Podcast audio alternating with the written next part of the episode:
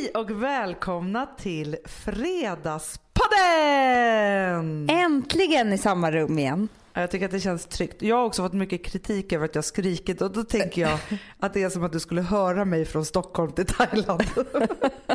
nu slipper jag det. Men vad då kritik? För att jag skri- har du suttit och skrikit? Nej, jag pratar precis som vanligt men alltså det är folk som har skrivit till mig att så här, ja usch den här podden var inte så kul eftersom du skrek hela tiden och så. Det var verkligen inte meningen. Nej, det var inte så kul. Nej, det var inte meningen. Live to be a legend. Jag vill också bara dansa som om ingen ser. Ja. Så är det jag, jag vill också jobba som att ingen såg. Det började med en cigg, nästa steg var hasch och sen var det bara heroin för hela slanten. Men alltså jag skulle också njuta så mycket på sjukhuset när jag ska hålla Alex hand. Han ska pressa ut ungen ur snoppen. Det känns verkligen som att vi har kickat igång det här året nu känner jag. Det tycker jag också. Men det var ju det var lite tungt tycker jag att komma från solen och stranden och så kom, jag kom hem och det blev skitkallt direkt. Man Oj, känner kylan för första Oj, Nej, men du, oj, oj. Hanna, du håller ju med. Jo, fast jag tycker faktiskt så här, vet du vad jag tror? Nej. Jag tror inte att det var solen och sand liksom, ombytet som tyngde dig. Efter den här ledigheten som jag också haft. Ja. Att vara den där julbubblan som man har varit, ledighetsbubblan ska jag kalla det för. Mm. Och sen så ta sig ur den. Alltså det var som, alltså, här har man varit ledig typ i två veckor. Man trodde Man, typ jag att det visste var, inte ens vad jag jobbade med. man började ju känna så här med den här ledigheten. Att det kanske är så här livet är. Förstår du? Ja. Man visste inte hur det var att arbeta. Det var därför det var så jobbigt att ta sig tillbaka. Men det är lite så här, man har glömt bort alltså, alla projekt man hade på gång innan. Gör vi den här podden? Vad sa vi för någonting? Alltså så här, att det känns som, och då har vi ändå poddat på här. Ja, och jag börjar också jobba nu. Heltid. Ja. Gud, Och det är Hanna, du vet inte vad jag drömmer. Alltså jag drömmer så mycket. I natt drömde jag att jag hade ett barn som helt plötsligt kom till mig från någon annanstans. Jag visste inte vad det hade varit. Och jag kommer inte ihåg vad det hette. Nej. Och jag bara, hur ska jag göra det här? Jag kan inte fråga någon annan vad mitt barn heter. Så jag måste liksom lura fram namnet av någon annan. Förstår du? Ja, för barnet kunde inte prata. Jo, men jag kunde inte fråga henne heller. Nej. Det var jättepinsamt. Jag var hennes mamma. Men jag bara menar att det är lite så här separationsångest tjosan. Ja, jag är ju väldigt eh, bra på att tolka drömmar. Jag har ju hållit på mycket med det. där. Har du? ja, men så här på 90-talet tänkte jag säga. Nej, men, men just det, jag tror ju så att du har ju separationsångest såklart för Frances för hon ska ju vara hemma Ja. med sin pappa och så här nu. Ja. Men framför allt så är det inte så att det är Frances som är det här barnet och hur det här Inte. är. Utan allting i din dröm Ja. är du. Nej. Du är barnet. Men Du är jag klarar inte det här då. Jag kommer börja gråta. Jag kände det redan nu. Men förstår du, du är ju du i den här drömmen. Du är mamman. Och det har varit jättemycket din identitet de senaste åren. Ja. Mammarollen. Ja. Helt plötsligt så kommer ett barn till dig. Och det är också du. Men som du inte vet namnet på. Det här är en annan del av dig som du inte vet vem det är just nu. Det här är ju en identitetskris. Men gud, Hanna. Och sen kan man ju liksom tolka då så här. Var det en läskig känsla? Ja det var det ju. Ja. För du visste ju inte vem du skulle fråga eller vad den Nej. hette och så. Och det är klart att du inte kan fråga vem som helst vem du är. För det är ju att göra bort, att liksom så här, här berättar du egentligen vad du känner och tycker om det här. Ja. Så det var väl liksom Gud det vad då. intressant, Hanna. För det, det var en jättestark dröm måste jag säga. Så jag vaknade verkligen mer än, du vet som det kan vara. Ja. När man vaknar med drömmen i sig och den är ja, liksom... men när den har varit som på film, när det är fyrfärg. Ja, det är liksom ja, ja, ja, ja. det är 3D typ. Jag kan fortfarande se hur barnet såg ut. Nästa steg, frågade du någon eller liksom hur fortsatte drömmen? Nej, men jag var... Det är så jävla tråkigt att höra på andras drömmar. Men nu berättar jag det här bara för att vi ska reda ut det här. Men jag var på Åhléns. Ja. Och där, för att Jenny Hammar hade släppt en kollektion. En vad? En? En kollektion. En kollektion? Aha. Skitsnygga koftor. Alltså Jenny, om du lyssnar här nu så måste jag bara säga do it. För att, alltså, det var succé. Det var koftor, långa, det var eh, liksom polotröjor med stora kragar. Ja. Och vet du vad? Jag skulle även gå modevisning för det här märket. Nej. Jo, men du vet vad det värsta var Hanna? Nej. Och det här, nu kan, kommer du också kunna reda ut. Ja. Gud vad kul. Det var modeller och sådär. men jag var liksom, jag skulle också göra det här fast jag inte var någon modell. Och jag kände redan vid övningen att det var det en motvind mot mina ben som gjorde att jag inte kom framåt. och då började jag tänka så här, jag kan ju inte gå som de här modellerna. De kanske lyfter du vet, så här högt med benen över vinden. Ja, när de går så här bara framåt och, och så här, som hästar typ. Men, men jag kanske mer släpade och vinden tog emot och jag kom liksom inte framåt. Jag bara, det här är så fruktansvärt pinsamt för alla sitter och tittar. Det går ju jättelångsamt för mig. De andra får ju springa om mig. Men förstår du då, för att du som mamma då som ska göra ditt första gig. Ja. Men känner alltså en otrolig motvind som att du inte kan det här längre. Ja. Som de här andra människorna bara springer förbi dig och kan. Ja. Men vad var barnet när du... I kulisserna. Och den skulle jag liksom också försöka få med här och och kolla av. Kanske Jenny visste vad hon hette och kanske skulle säga hennes namn. Jag gissade på Alyssa själv, vilket är jättekonstigt för det finns inte i mitt system. Nej. Men jag var inte säker. Nej. Och vem sa Och barnet det till? hade också förlorat ett ben. Okej. Men det visste jag ju inte om. Nähä. För den hade ju varit borta. Så jag var ju så här till Alex bara, varför har du inte sagt något typ? Den har ju bara ett ben, Alyssa. Jaha. Nej men alltså det här är ju helt solklart för mig. Det här handlar ju om nu mellanläget mellan du ska gå från mamma till att bli den som arbetar. Men du har ingen aning om hur du är nu i din fulltidsarbetande roll. Nej. Har du ett ben eller två ben? Nej, det vet jag inte. Vad heter du egentligen? Nej, jag vet inte. Vem är, är du kulisserna eller? Det är det. Gud. Men vet du vad du ska öva på nu då? Nej. Det är att drömma vidare. Hur då? då? Ha den här drömmen liksom och behandla den i din kropp. Så. Jag hade under en period i mitt liv jätte- jättemycket drömmar där jag drömde just om att jag fick barn. Och det här var liksom när jag var för ung för att få barn. Alltså Det gjorde jag ju 20 också. Och då var det ofta någon liten, jag visste inte hur jag skulle amma den här eller göra något och så här. Och var ute och letade efter mat till den och så. Kom tillbaka och då hade det bara skrumpnat ihop. Ja, men jag kom aldrig ens hem till barnet för jag var alltid, gud vad konstigt att vi drömde samma dröm jämt. Jag var alltid ute på väg någonstans och kom på men hon är ju där hemma, hon har inte fått mat eller vatten och det var hinder på vägen hela tiden. Jag Ja. kom aldrig hem. Och det är det att liksom när man inte kan heller ta hand om sina inre små barn. Det är ett ganska dåligt omen. För att någonstans så är det så Blir att du man är oroligt? sig själv. Ja, och sen så har man ju massa små barn i sig skulle jag säga. Mm. Liksom som har varit med om massa olika saker och som man liksom så här. Och någonstans så handlar det hela tiden om att sköta om de här barnen hela tiden i sig. När det då blir för oroligt runt omkring, det är då man, måste, man drömmer om de här barnen. Och ofta så tror jag att det är just så här, man drömmer om det som att man själv är mamman till dem. För man är ju det, man är, alltså, man är ansvarig för alla delar i sig själv. Såklart. Så man är mamma till alla de här delarna, Ja. tänker jag. Så att nu är det inför den stora förändringen här så blev det lite oroligt för alla mina små barn i mig. Och då drömmer jag om det. Jag hade också en återkommande dröm att jag hade tagit mig upp på någonting otroligt, otroligt högt. Ibland så var det så ett räcke och så hade jag klättrat ut på liksom en sån här gatlykta. När jag skulle klättra tillbaka så kunde jag inte det. Som panik. Liksom så. Och hela drömmen kunde gå åt till att jag skulle komma tillbaka. Sen drömde jag en dröm att jag var liksom högt uppe på en höskulle. Med massa människor. Folk bara hoppade ner och upp igen och hoppade ner. Men jag vågade inte hoppa ner. Du vet när man har en sån känsla som att när man ska hoppa från tian eller göra någonting som är jäkligt läskigt. Den känslan i kroppen. Alltså hela mina nätter kunde gå ut på att jag aldrig kunde ta det här hoppet för att jag var så fruktansvärt rädd. Sen gick jag i terapi. Som slutade med att jag drömde att jag hoppade och då kunde jag flyga. Det är den skönaste känslan jag har haft i en dröm någonsin. Så behövde jag aldrig mer vara rädd. Sen dess har jag aldrig drömt igen. Så det är det jag menar med att du ska fortsätta försöka drömma det här nu. Du har jobbat tre dagar i din nya roll. Det är klart att, du, att det är jättemånga saker i dig som ska falla på plats. Det är så här, hur ser dina dagar ut? Hur har du din to-do-list? Vem är du Ja, men det är också här? på ett så sätt så, så har jag levt som jag varit tvungen att göra. Alltså nu har ju vi ett eget bolag eh, tillsammans och det går inte att checka ut riktigt så här eh, helt.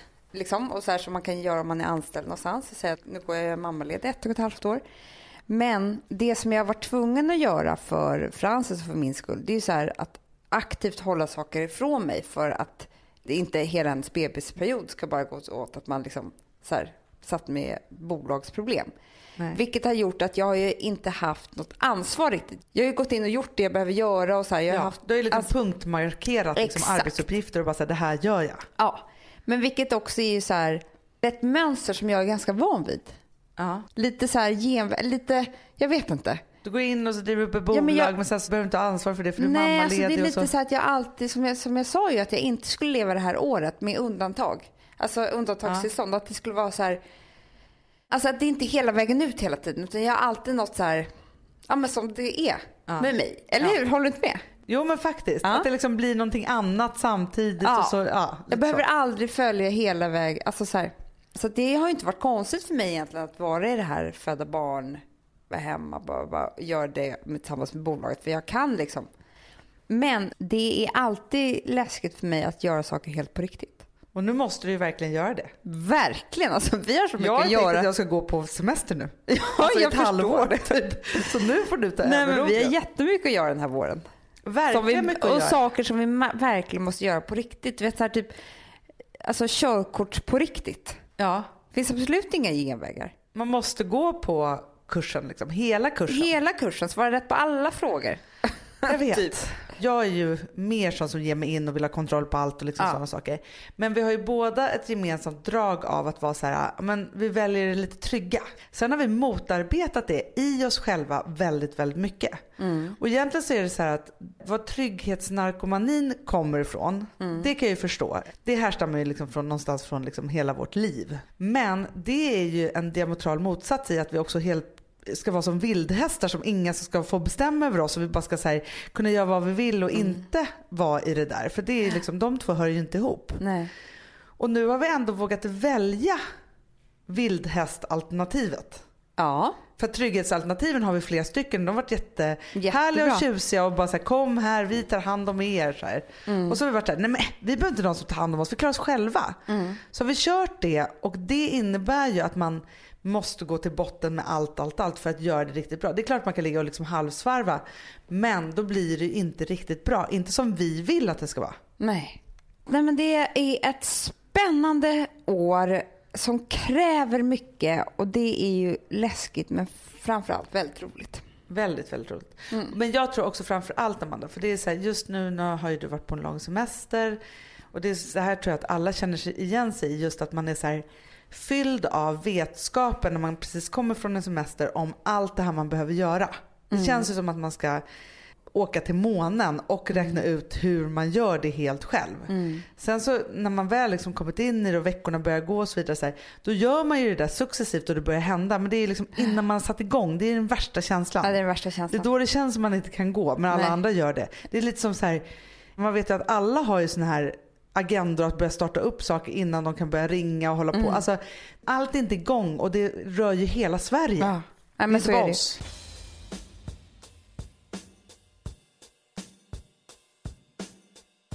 Vi är sponsrade av Synoptik och deras glasögonabonnemang All Inclusive. Alltså det här är ett genidrag. Alltså, Så Mm. fort man har hamnat i... Tyvärr, alltså antingen så har man det såklart från födseln, men, men vi som blev lite till åldern, Hanna, och Ja. synen den svek oss. Vi har nu förstått att det här med glasögon, det är inte så att det bara går att skaffa dig ett par och så har du dem for life. Utan dels så vill du ju ändra styrka och, och allt möjligt, men du vill ju också inte bara ha, för det här är ju liksom en del av hela din outfit. Du vill väl ha olika bågar. Nej, men så här, så- och Då har ju de skapat det här Synoptik All Inclusive. Och fördelen då med det, Amanda, det är ju att du får byta ut ett par glasögon per år. Mm. Så. Och Sen så är det ju då att de har ett otroligt utbud. Mm. Alltså så, det är ju liksom... Men, man vill ju ha det allra senaste. Ja, Alltså, förstår du? såklart. Och det man är du snygg i och alltihopa. vill ha? Solglasögon med styrka. Ja, så är det. Och sen så också är det ju supersnyggt med tonade glas. Det har inte jag börjat med än.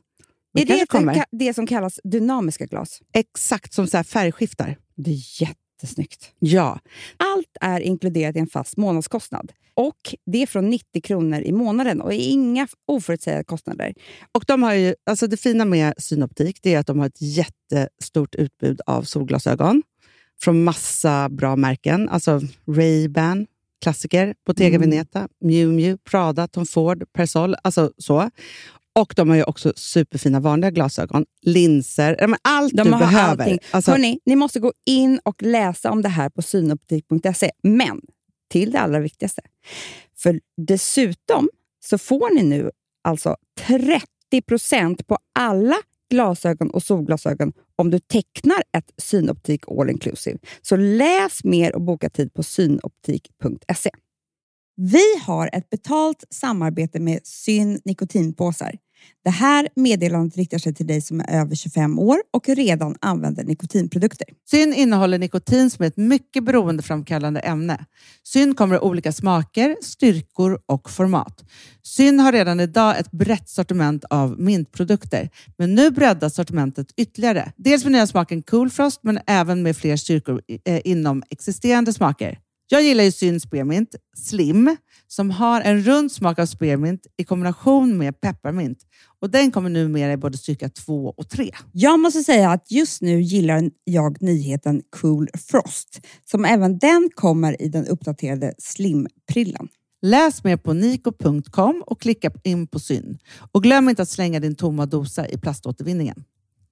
Hanna, Ah, vi är ju sponsrade av Bosch och deras köksmaskin serie 6. Och vet du vad jag har att berätta för dig?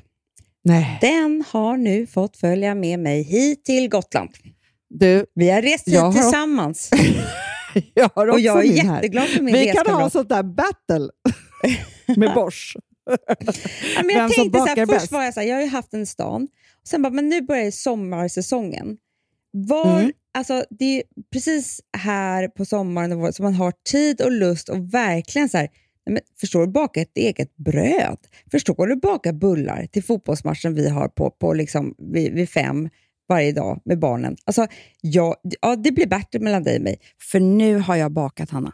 Eftersom skålen rymmer 3,5 kilo kaksmet i ett svep så har jag nu alltså 200 småkakor.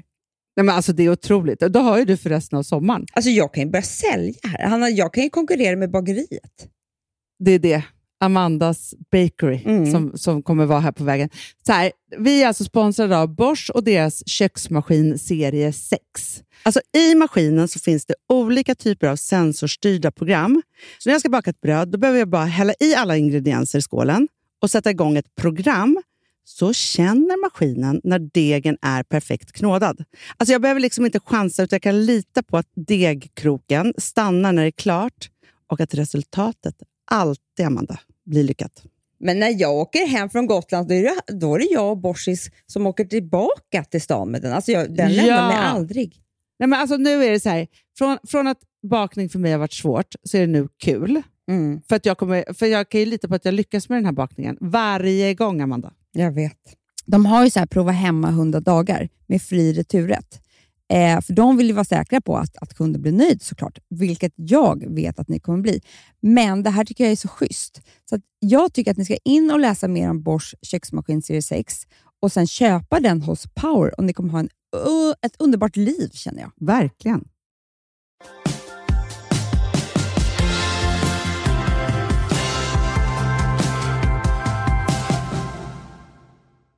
Men du, apropå vara mamma. Ja.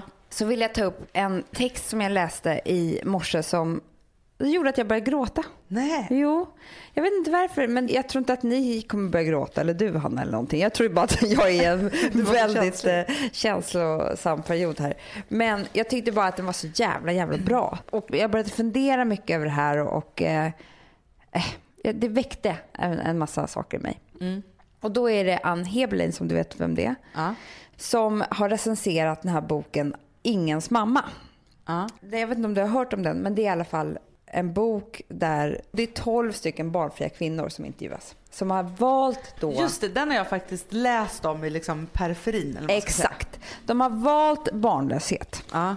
Det Ann Heberlein då skriver i den här artikeln i DN, det är att hon, när hon recenserar boken, det skriver om vad alla andra recensenter, hur de har recenserat boken. Ja. Och då är det genomgående egentligen så här. Det de här kvinnorna har gjort är väldigt modigt i med alltså att välja bort barn och de vågar tänka på sig själva.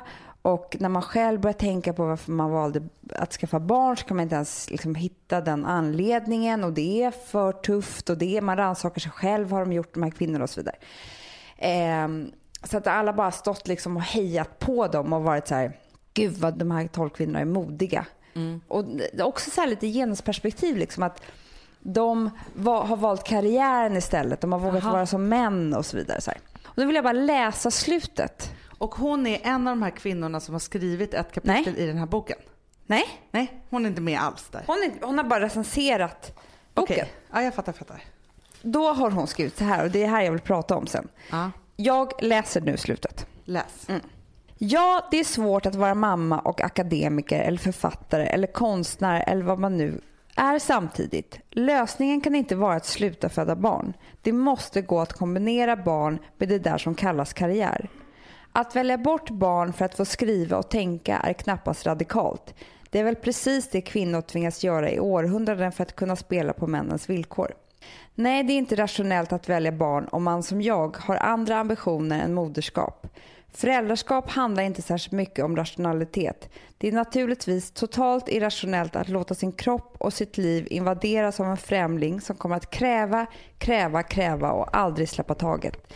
Det är idiotiskt att frivilligt välja oro, ofrihet och bundenhet. Det är skrämmande. Och det är modigt. Att välja att föda mina tre barn är det modigaste jag har gjort. Det största och det som jag är allra mest stolt över. Att jag är någons mamma. jag älskar att du också börjar gråta. alltså jag satt och grät där över morgonkaffet och tyckte det var så fint. För att jag håller med henne här om två saker. Dels så tycker jag inte att det är modigt att inte skaffa barn. Jag tycker ingenting om att inte välja. Alltså folk får skaffa barn eller inte. Det spelar mig ingen roll. Jag har liksom ingenting att säga om det. Men jag tycker inte att det är speciellt modigt. Eh. Nej, för jag tycker faktiskt att det är skitmodigt att skaffa barn. För det är nästan det läskigaste liksom, man kan göra. För att det är så totalt liksom att kasta sig ut i en värld man inte vet hur den är. Men också att det finns inget radikalt med att så här, ja, men jag väljer då karriär istället för barn. För det har vi alltid gjort. Det är så det är. Det är så det har varit det är det det är fel på. Jag håller med att vi måste hitta en annan lösning här. Vi måste liksom leva en modern tid. Att göra karriär och föda barn. Vi kan inte välja bort det. Nej, men det som blir konstigt tycker jag i den här debatten, nu har inte jag läst boken ska jag säga, Nej, inte om de jag här heller. kvinnorna. Men jag tänker så här, det finns ju självklart både kvinnor och män som är så här, jag vill inte ha barn. Ja, men och det, Och det är fine liksom för mig. Det, det är och det är inte konstigt. för mig att välja bort barn. Då är det en känsla som gör att liksom det är så. De som har valt bort barn för någonting annat, så är jag helt övertygad om det, att det är en jättelång resa som är förknippad med ganska mycket sorg och att livet kanske inte blev som man trodde. Nej. Och det kan ju göra med jättemycket saker som att så här, vårt samhälle ser ut på ett visst sätt och att man ska bli mamma och så vidare. Så här. Men de som bara varit så här, "Nej, men jag vill inte ha några barn, de kan man ju liksom ta ur den här debatten för de har inte valt det ena eller det andra. Liksom. Sen när man då har kommit till den där punkten att man varit så här, men jag valde nu bort barn. Då är det ju nästan så att det blir så här, vad ska jag göra istället då? Ja men då får jag göra jättemycket karriär eller jättemycket det här eller jättemycket si eller så. så här. Men jag håller med henne om att, så här, att i dagens läge om man har andra ambitioner än att bara vara mamma. Och då säger, lägger jag till ett bara på grund av att liksom, man har valt bort liksom, allt annat. Det är ju det största modet kanske är idag att, att ett, våga säga så här, nej men jag är bara mamma. Eller säga så här, jag skaffar barn och gör karriär. För båda två är lika utskällda. Det spelar ingen roll när man bestämmer sig för att bli mamma. Vilken väg man än går, om man är så här, nej men jag är hemmafru, ja då är det fel. Eller säger så här, Nej, det ja, men jag är mamma och jag ska göra karriär, ja men då är det fel. Ja men jag försöker göra lite både och, ja men då är det fel för då är man liksom någon velig som inte har valt någonting. Att vara mamma och försöka göra liksom det till det ena eller det andra, det är svårt nog. Liksom. Ja men det är så jäkla svårt. Och jag menar, du och jag lever mitt i det för vi har ganska små barn och eget eh, företag och så här. Och man ska veta det att det krävs här ett jävla arbete för att få ihop allting. För att känna att man är så mycket mamma som man vill vara och, så mycket, och göra så mycket så här, karriär som man vill göra. Och jag tror att vi idag också, och nu säger inte jag att det är fel på det här heller, att man får barn sent. För jag kommer antagligen få mitt sista barn när jag är 42, eller vad det nu kan vara. Men jag tror att egentligen så var det ju så att för länge sedan när man bara fick barn när man var 20 år, då har man inte ens tänka så mycket. Nej. Nu har vi levt ett halvt liv med en helt, för det hör man ju hela tiden. Vi pratade någon, med någon häromdagen Hanna som var så här, men gud det där barnfria livet var ju helt fantastiskt. Nu sitter jag här med en tvååring. För jag hann ju leva det livet så länge så jag vet precis hur härligt det var. Och jag säger inte att det är något fel på att ha barn sent. Jag säger bara att det har blivit ytterligare problem för alla oss. Samtidigt som jag kan känna så här också. Antingen så tror jag att man ska få barn när man fyller 20 för att man har inga lagar och regler för sig själv och man har inte liksom blivit för bekväm och man har inte upplevt så mycket vuxenliv i lyx. För att när man är 20 år så har man inte heller så mycket pengar så det är bara det är samma sak. Det är liksom samma så. saker. Men däremot om man har liksom då blivit över 35, man har liksom ett jobb, man tjänar pengar, man kan köpa vilka klänningar man vill, gå på vilka middagar och så vidare. Så här, Då är man ganska, har man hunnit till en bekväm. För vet du vad jag tror nästa steg är? Nej. 50. Perfekt. Är För då kan man inte perfekt. gå på krogen, man är Nej. liksom för trött för det. Man är liksom Det vore jättebra. Så att jag tror så här, 20 eller 50, de perfekta Men det kan ju bli så sen när vi, om du, fast grejen är att biologin hinner inte med här. För annars hade det varit bra ju, för vi blir ju äldre och alltihopa. Så att man då hade kunnat få barn ännu senare. Men det är ju det här att man ska då vi har flyttat vår prime till, liksom, för att man har liksom både sin utseende, ekonomiska, karriärsmässiga och, relationsmässiga prime Mm. mellan 30 och 40. Jag vet. Ja, och det är då vi också ska skaffa barnen. Ja. Så då ska, liksom, Då ska man ha så många jättekrock. småbarn så man inte ens ser varandra, sig själv eller någon annan. Man bara så här, Åh, en blöja hit, en blöja dit, ett möte, dagis, buss hit och dit. Alltså så här, man springer sig igenom de tio åren. Ja.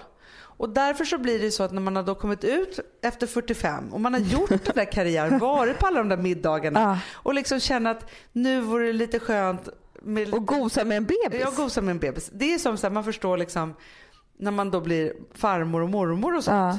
Man måste bara hitta ett nytt sätt att se på allt det här. Man får väl ta sin lilla familj då och se hur den ser ut. Och då tror jag att man ska tänka så här, okej, jag vill jobba, min man vill jobba, vi måste dela på det här. De åren jag jobbar mera får han jobba mindre. För man kan liksom inte båda två göra superkarriär hela tiden Nej, samtidigt. men det var ju det som hände väldigt mycket på 70-talet. Ja. 70-80-talet.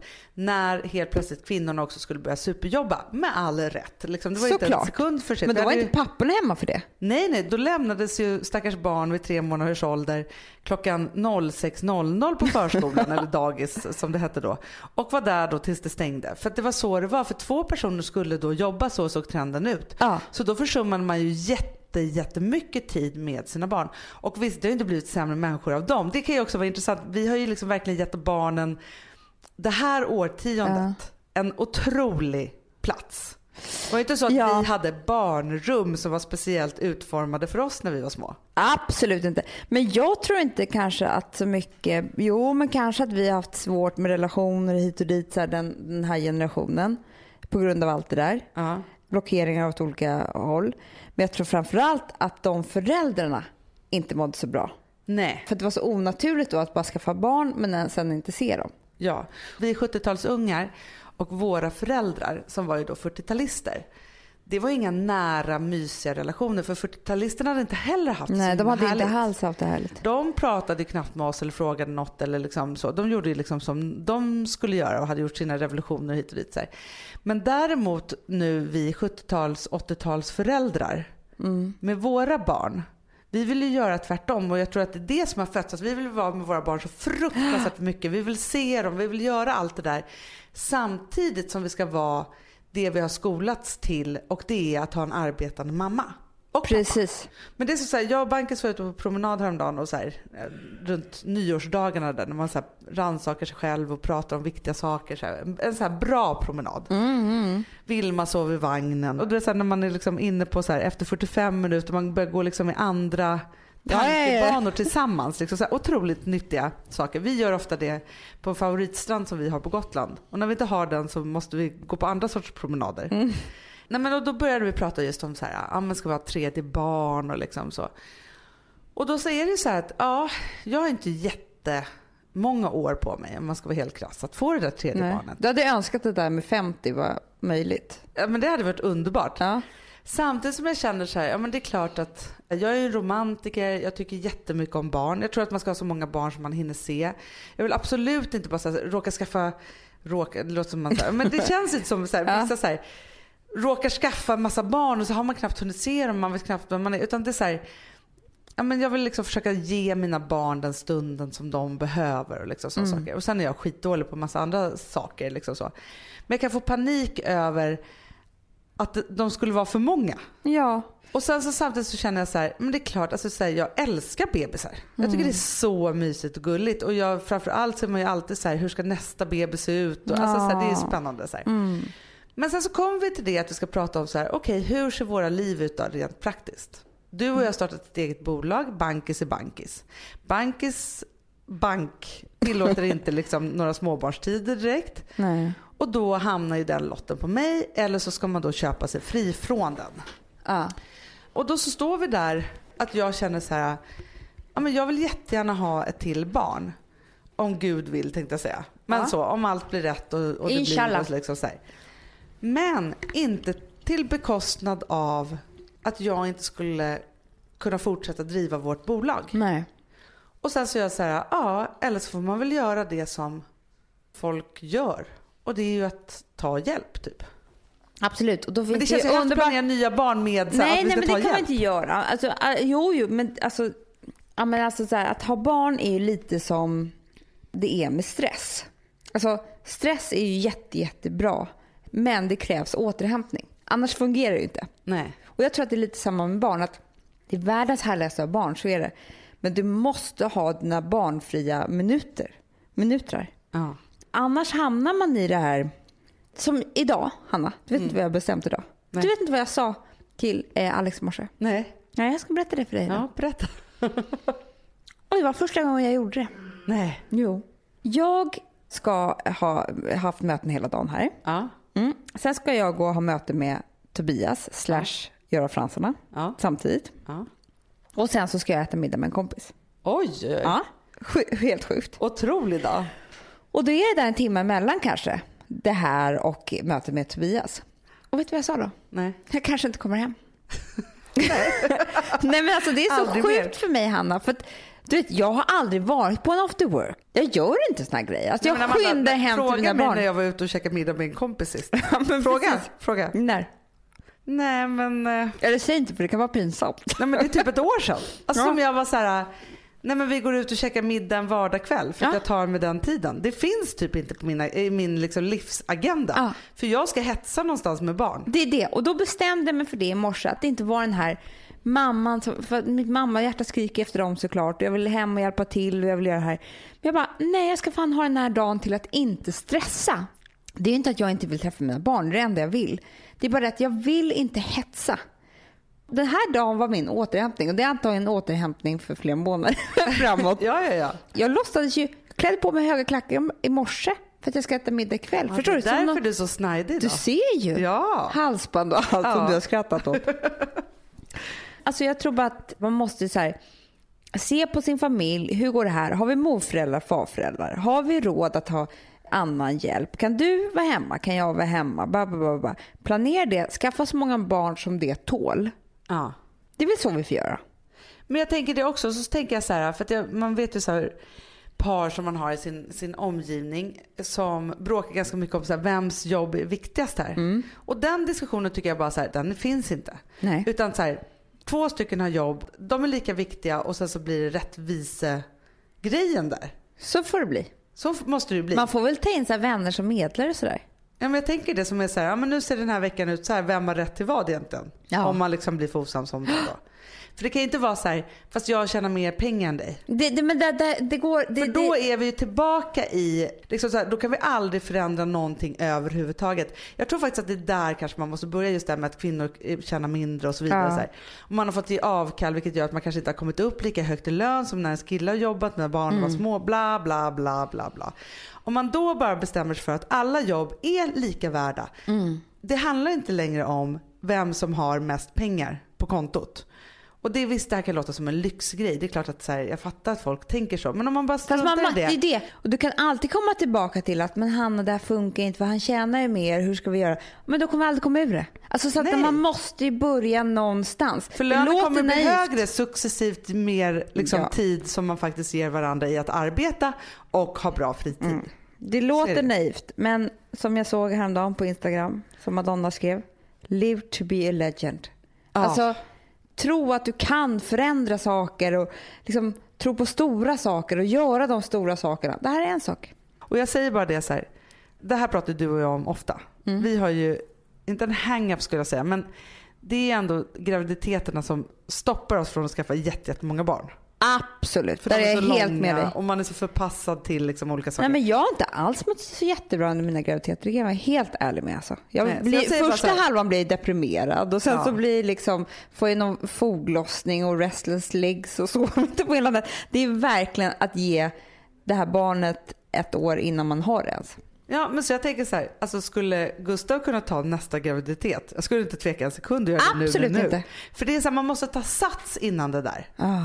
Killarna åker en sån jävla räkmacka. Men alltså jag skulle också njuta så mycket på sjukhuset när jag ska hålla Alex hand.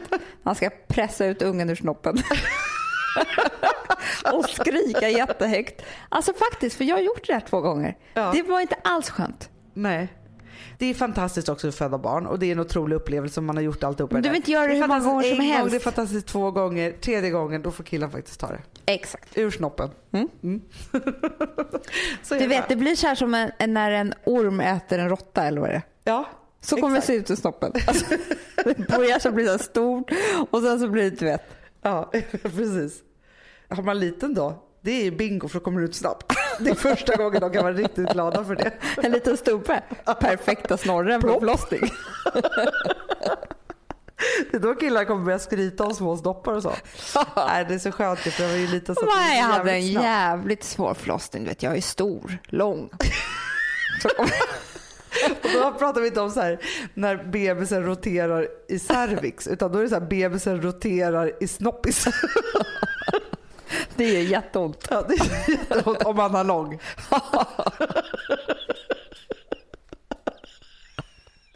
Men det skulle ju också bli så orättvist. Man bara, "Ha, är du född ur snipp eller snopp? Vi sponsrar av Swiffer. Ja! Och nu är jag så glad, för att Alex har ju eh, liksom varit väldigt arg på mig i sin podd. Mhm. Alex och Sigge-podden eller vad den heter. Vi- vad, vad det För att han podd? säger att jag inte städar. Va? Och då står det i kommentarerna, "Mo, det är så ro- det här visar han mig.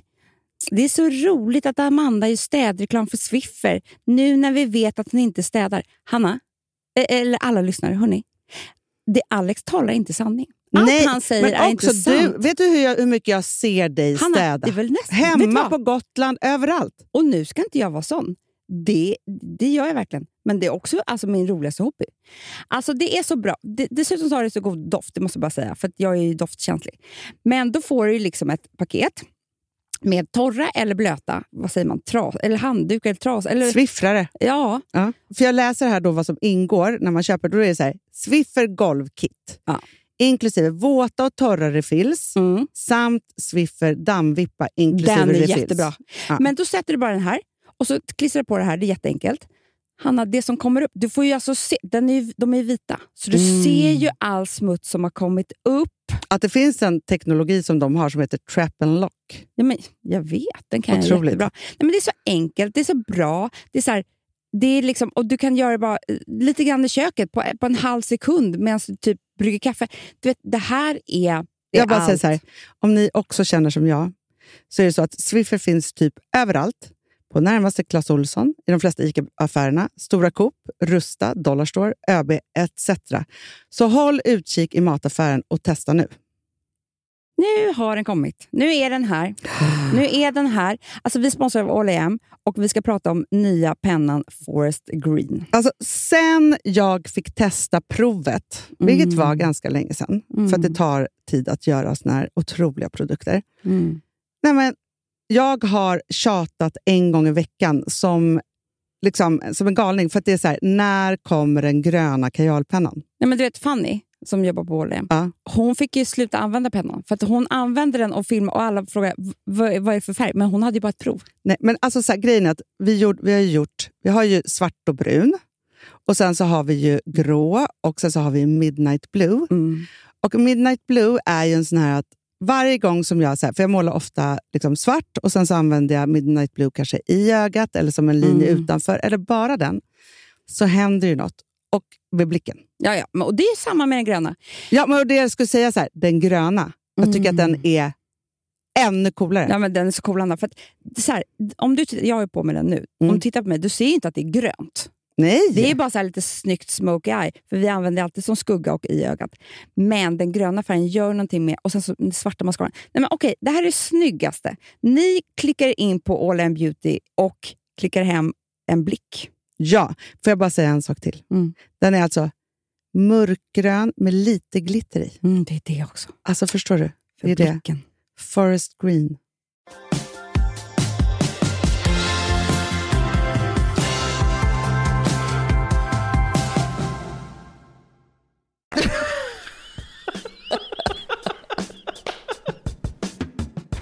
Jag såg en dokumentär Mhm. om skola i Amerika. Jaha. Som jag tyckte var så fruktansvärt intressant. För att jag tycker att det är så superintressant det här med skola. Och jag tycker också Mm. att det är när man har barn som inte går liksom i sex års utan att de liksom börjar bli lite äldre och det börjar liksom bli större krav och så. Så är det jäkligt intressant. Man måste liksom ge sig in i det. Mm. På 40-50-talet då hade liksom den amerikanska skolan inte överhuvudtaget någon konkurrens i hela världen. De Nej. bara odlade upp liksom presidenter och nobelpristagare och det var liksom så otroligt mycket kraft som kom där. Och så riktade de sig mot Kina. För Ja. liksom de första som började ha så ordentliga skolor och liksom det började liksom taggas upp där. Och då tänkte amerikanerna så här, ja, tänk om vi kan sälja liksom en tandborste till varje kines. De bara wow det här kan ju bli mycket pengar. Det slutade med att kineserna gick om dem och bara sålde tandborstar tillbaka till dem. Det är ju inga amerikaner som gör tandborstar direkt. Nej. Sen efter det så har skolan i USA bara blivit sämre och sämre och sämre. Visst om du har pengar, asmycket pengar, då spelar det ingen roll för då går de bästa skolorna med de bästa lärarna och så vidare. Så här. Men på grund av att de har här, ett anställningsskydd så gör det så att om du har arbetat som lärare i två år, då kan du inte få sparken. Nej. Jo, där. Otroligt. Det är så här, de som har liksom gjort dumma saker får fortfarande lön men får sitta av liksom sin tid i någon aula. Liksom, Varför då? Så. Nej, för att det blev så ett anställningsskydd. Ja, men det blev det på grund av, ja, jag kan ja, ja. inte exakta historien. Men det som är intressant då är att det här kostar typ så här 100 miljoner om året i USA, de Mhm. här lärarna. Och framförallt så är det då så att det finns så fruktansvärt dåliga lärare. Mm. Så. Och i alla de här skolorna då i lite sämre områden i USA så har det liksom varit i I åratal. public schools liksom. Ja. Åratal så att det bara varit så här. Barnen de lär sig ingenting, de lär sig inte läsa och skriva, det är jättelåga nivåer på dem. Mm. Och de har sagt att barnen inte kan lära sig. Nej. För att de bara är dåliga. Så var det några genier, lärare, som startade lite olika skolor. Där de bestämde sig för att bara ta de sämsta områdena men med de bästa lärarna. Aha. De här skolorna ställde otroligt höga krav på sina elever, att de fick gå där och liksom mycket Mm. plugg och så vidare. Så här. Men typ på ett halvår så hade de ju liksom de bästa resultaten i världen. De här Nej. skolorna. Vilket gjorde att de helt plötsligt kunde konstatera, såklart, vilket man kan ju tycka är liksom en självklarhet, att det här beror ju inte på barnen. Det beror bara på lärarna. Såklart. Såklart. För det är klart att barn kan lära sig precis vad som helst. Ja, men det är I klart. princip. Det är klart att barn inte kan lära sig på exakt samma sätt allihopa. Nej. Och så ser ju vårt skolsystem ut jättemycket idag. Mm. Men här var det så att de jobbade på massa olika sätt. Parallellt i den här dokumentären då som jag såg så var det så att de visade då, för man kunde söka till de här skolorna. Mhm. Så här, barn som inte hade så bra men de hade liksom stått i kö och så var det som ett lotteri. Nej. Och då kom ju vissa in och andra inte. Det var jättesorgligt Nej. och sen så till nästa och det var någon extra plats och så vidare. Så. Men för det här lotteriet, om de skulle komma in från den här skolan, var ju såklart livsavgörande. För de kunde ju då lova, ert barn kommer komma in på college. Så. Otroligt. Men då tänker jag bara på det. Det som gör mig så fruktansvärt arg och ledsen faktiskt. Råkar man hamna i en skola, i en klass där läraren inte är speciellt bra så är det livsavgörande för ens barn. Och det är så hemskt. Ja, det är så hemskt och du som också har varit i en så skolsväng precis där du verkligen behövt så här, ah, hålla på med det och ringa och kämpa igenom saker och så vidare. Du har ju bara fått känna på nu vilken jävla kraft man måste ha för att göra allt det där. Ja men man måste vara så här, man måste vara modig, man måste ha otroligt gott självförtroende i Ja. att vara så här. Det är inte fel på mitt barn, det är fel på dig och nu ska jag byta. Ja. Alltså, det krävs ju jättemycket av en när man står inför Och våga säga emot igen när de säger nej men så här är det. Nej så är det inte. Och bara Ja, och påstå fortsätta. att någon kanske inte är så bra. Man är, blir osäker först och bara säger nej men det kanske är Ja. mitt barn, det kanske är det här, eller kanske si och så. så här. Och jag vet ju själv det. De lärarna som jag hade som jag tyckte om och som såg mig kunde jag göra vad som helst. Mm. Ja, jag kunde lära mig klart. vad som helst. Och de lärarna som det- var tvärtom, det gick inte. Nej. Och du är ju inte heller i skolan med barn hela tiden. Så du ser ju inte vad som händer. Nej, men, och då blir jag också så helt förkrossad över att det är så himla låga ansökningsantal till lärarlinjen. Men det är för att det är så låga löner. Jag vet och då känner jag bara att det här måste ju ändras. För att skulle man ta liksom alla begåvade människor som finns och som gör olika saker och så och ställa dem i så skulle det vara så här. Hälften skulle vara så här, "Ja, men jag skulle kunna lärt mig vad som helst av vem som helst för att de bara är genier typ. Sen skulle man ta resten och då skulle man säga så här, nej men på grund av att jag hade en jättebra lärare som lärde mig det här eller visade mig det här eller öppnade upp den här världen. Men jag tror så här, Hanna. Okej, dels så har vi lärarna och det, det är ju på ett sätt och det är ju som du sa tråkigt att det är så, så låga ansökarantal och så vidare. Men det kan man ju prata om. Men det man skulle också kunna göra det är väl så här att ta alla andra begåvade människor som håller på, på med andra saker i Sverige som är duktiga på det. Och att det var så här obligatoriskt att man liksom en dag i månaden gick och hade en lektion. Ja. För att inspirera barnen ja men verkligen. och se dem. Eller ha och en lektion göra i sin... någonting helt annat. Så kanske, alltså så här, just man pratar om till exempel samhälle. Ja. Då kommer in en jätteinspirerande människa som berättar om hur regeringen hör ihop Ja. med någonting. Alltså, så För det kan jag säga med dåliga och bra lärare att jag saknade jättemycket inspirationen. När det var någon lärare som man hade som var bra. Det krävs jättemycket av en person tycker jag för att fånga en hel klass timme ut timme Ja, in. men gud, och, och ja. liksom att man ska fan göra Sveriges geografi så jävla trist liksom. Ingenting eh, stannar i huvudet. Man vet inte ens, jag bara somnade ju hela tiden. ja. Men om det kommer in någon, att man får låna människor. Det kommer in en skådespelare och ska lära dem, alltså förstår? Man gör som en inspirationsstab av frivilliga. Ja, Eller så här, alla människor i Sverige måste göra sin skolplikt. Precis. Och det innebär att när man har gått ut skolan, det är så här payback time. Exakt. Här i Sverige så har vi ju gratis skola och det Ja. är helt fantastiskt. Om skolan nu är fantastisk. Precis. Och då tänker jag att då blir det när man är vuxen sen, då måste man ha payback time. Mm. Och ge 10 timmar om året. om året till de skolorna som Och ringer vet du upp vad som en. kommer hända då med lärarna, Hanna? Nej. Ja, de kommer tagga upp. De kommer tagga upp, de kommer känna sån jävla konkurrens alltså. Ja. Av de som kommer in och bara, åh vi hade så kul, Lars var här och vi har gjort alla läxor och så här. Då kommer ju de också vilja vara så bra. Men du vet vad jag också tänker på? Nej. Som jag undrar om skolorna har slutat med idag. Mm.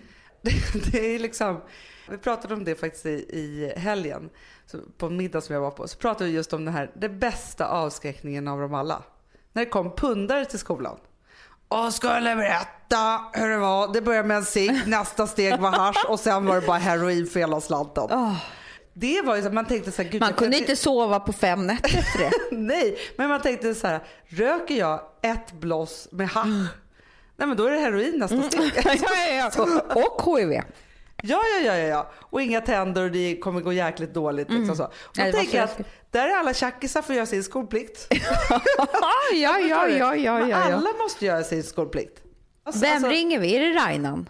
Men jag undrar det. Nej, Mm. men skolministern måste det väl vara? Ja, Alltså så här, visst, man, det är ju som ett lotteri med lärarna och det finns bra och dåliga. Och sen finns det bra och dåliga för individer. Att det är så här, en kan ju vara jättebra lärare för ett barn och så jättedålig för ett annat mm, barn. ja, ja, ja. Och det kan ju vara otur. Men det är därför det är så bra Anna, att det är så många olika i omlopp. Liksom. Du, så här, vi kommer in här på jobbet på måndag och du bara, nej men alltså i eftermiddag då har jag en lektion ute i... eh, Men jag tror också Ja. att det är självförtroendebyggande för alla vuxna. Så Man får bra! också vara lärare och kunna vara så här. Så går man in på liksom Människobanken och ska man planera liksom sitt, sitt närmaste halvår. Då bara, gud, nej, men vi ska ju läsa det här om Indien och här har vi liksom en som har varit korre i eh, Mombasa, ligger det Indien. jag hade inte gå i skolan. Nej, men liksom, Ja, Anna, tänk dig det här då. Jag som alltid skolkade från gympan. ja. Nej, men idag har vi liksom en balettdansös som kommer, bergsklättrare, eh, någon Iberryttarinna, någon liksom som har den där jobben på riktigt som ska lära en så här riktiga Ja, steg. Och... så här, en sak som inte sitter ihop med skolan och det tror jag att alla barn och ungdomar behöver. Det är att förstå varför man lär sig saker. För det tycker jag att man ägnar alldeles för lite tid. Att det är så här, jo fast vet du sak, du kommer vara så glad över att du lärde de här mattetalen hit och dit och så. Och procent. För sen när du ska räkna ut att du har 30% skatt. Man ska ju utbilda barnen i det man går och står i själv. Såklart. Ja. Nej, men alltså i min gympa i, i lågstadiet, då fick jag alltså min... nej, Jag, jag förstår inte varför jag skrattar. Men då var ju han en, alltså läraren, han blev så jävla arg på en liten pojke i min klass. Nej. Så han började dunka hans huvud i golvet. Nej, men det är fruktansvärt. Jo, han blev anmäld. Nej. Det var så hemskt. Jo, Erik. Gud, alltså blev dunkad. Du dunkade i Eller, huvudet. och inte, ja. Men alltså det är så hemskt. Han Men man- tappade det, det var falling down. Alltså, Han det- hade ju behövt den dagen kanske en sån här inspiratör. Ja. Ja. Men på alla möjliga sätt så tycker jag att, alltså, att lärarna tappar det då och då. Men också så här, jag tror också så här att om de och lärarna och barnen får de här nya influenserna så kommer ju också världen bli större och man kommer tänka rätt grejer. För det är också, alltså jag var ju med om, eller jag var på föräldramöte. Och så sitter vi där och så pratar vi om olika saker och det är liksom ja, så här vanligt föräldramöte så. Och så helt plötsligt kommer det då ett förslag från gymnastikläraren. För barnen har då dans på, alltså det är så här i läroplanen så ska de dansa olika danser. Det är så här, om de ska fotografera eller filma och så då måste de ju ha föräldrarnas tillstånd. Och då var hennes förslag, okej barnen ska då dansa det här och då ska de bli bedömda i rytm och teknik. Typ så. För att kunna bedöma barnen så ska hon då filma dem, eller de får filma med sina egna kameror, alltså mobilkameror. Och så ska de då titta både på Mm. Men varandra, har alla sig mobiltelefon? själva. Ja men det har de när de är tio år. Okej. Ja. Hon skulle både titta på det här och de skulle också se sig själva så att de får en uppfattning om hur de dansar. Gud vad hemskt. Och så läste Gud, vad hemskt. Vet du, så här, när jag läste det här tredje gången, jag bara, vänta, räckte upp handen och bara så här, ursäkta mig men det här är det dummaste jag någonsin har hört.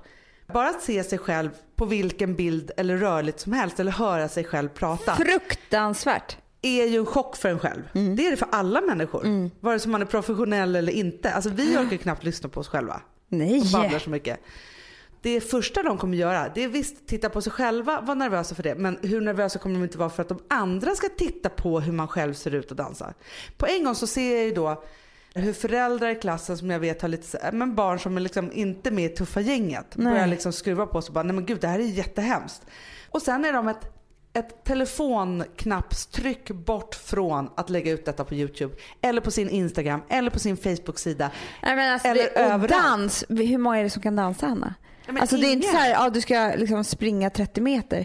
Det här är alltså, att dansa är det liksom mest, ja, men det är jätte, jätte, jättekänsligt Ja, på men, alla och det sätt och vis. enda som jag vill det är ju att hålla mitt barn så fritt som möjligt så att, hon verkligen Men alltså kan det dansa finaste loss. ordspråket av alla, dansa som, alltid som, att- som ingen såg dig. Exakt. Det är så det ska vara. Inte dansa som att alla Vildaste, såg dig. konstigaste dansstilen. Det är väl det vackraste som finns. Nej, här ska de bedöma takt och rörelse. Och hur gör de det bäst? Jo, genom att bedöma varandra och filma det. Nej, det är det värsta jag har hört. Och Då tänker jag så här, vad är det här för idiotisk tanke? Och hur kan man tänka det och hur kan man inte tänka på hur världen ser ut? Att det finns liksom internet, att världen är stor. Och också för att det är så här, det är barn, de håller på med det här hela tiden. De lever liksom ett jurysamhälle, de tittar på Idol och folk blir bedömda och de vet att det är, helt, är okej att vara elak och så vidare. Jag blir helt galen, jag vill bara så här, skolan ska vara så här, att de får vara helt fria i hjärnan. Ah, gud, herregud. Nu blir jag så upprörd igen. Hur ska Ja. det här dagen sluta? men jag jag vet skulle inte. ha så härlig dag. Du ju bara iväg och bara göra mysiga saker med dig själv. Ja. Jag vill också bara dansa. Som om ingen ser. ja, varje dag. Så jag, vill, jag vill också jobba som att ingen såg vad jag gjorde. Eller? också podda som om ingen hör. Fast det är ju det vi gör. Jag. Skulle vi veta att ni lyssnade där ute, men gud. Jag Herre skulle bli Jesus. så nervösa då. Ja. Men hörni, vi tycker så mycket om er. Och ni som har köpt biljetter till våran show, den är slutsåld tyvärr. Eller tyvärr, vi är överlyckliga över det. Det ska bli så roligt att träffa er. Och för er som inte har kunnat köpa biljetter så lovar vi att göra andra saker. Vid andra Absolut. tillfällen. Ja. Eller hur? Det kanske blir en till. 101-podden, Ja, jubileum. Om ni skulle vara sugna på det så måste vi känna lite tryck. Annars vågar vi inte lägga ut en till. Vi är så glada att, att det här Ja. gick bra. Såna är vi. Verkligen. Ja. Och ehm, ja, som vanligt så ses vi eller hörs nästa vecka. Absolut. Hej hej! Hej hej!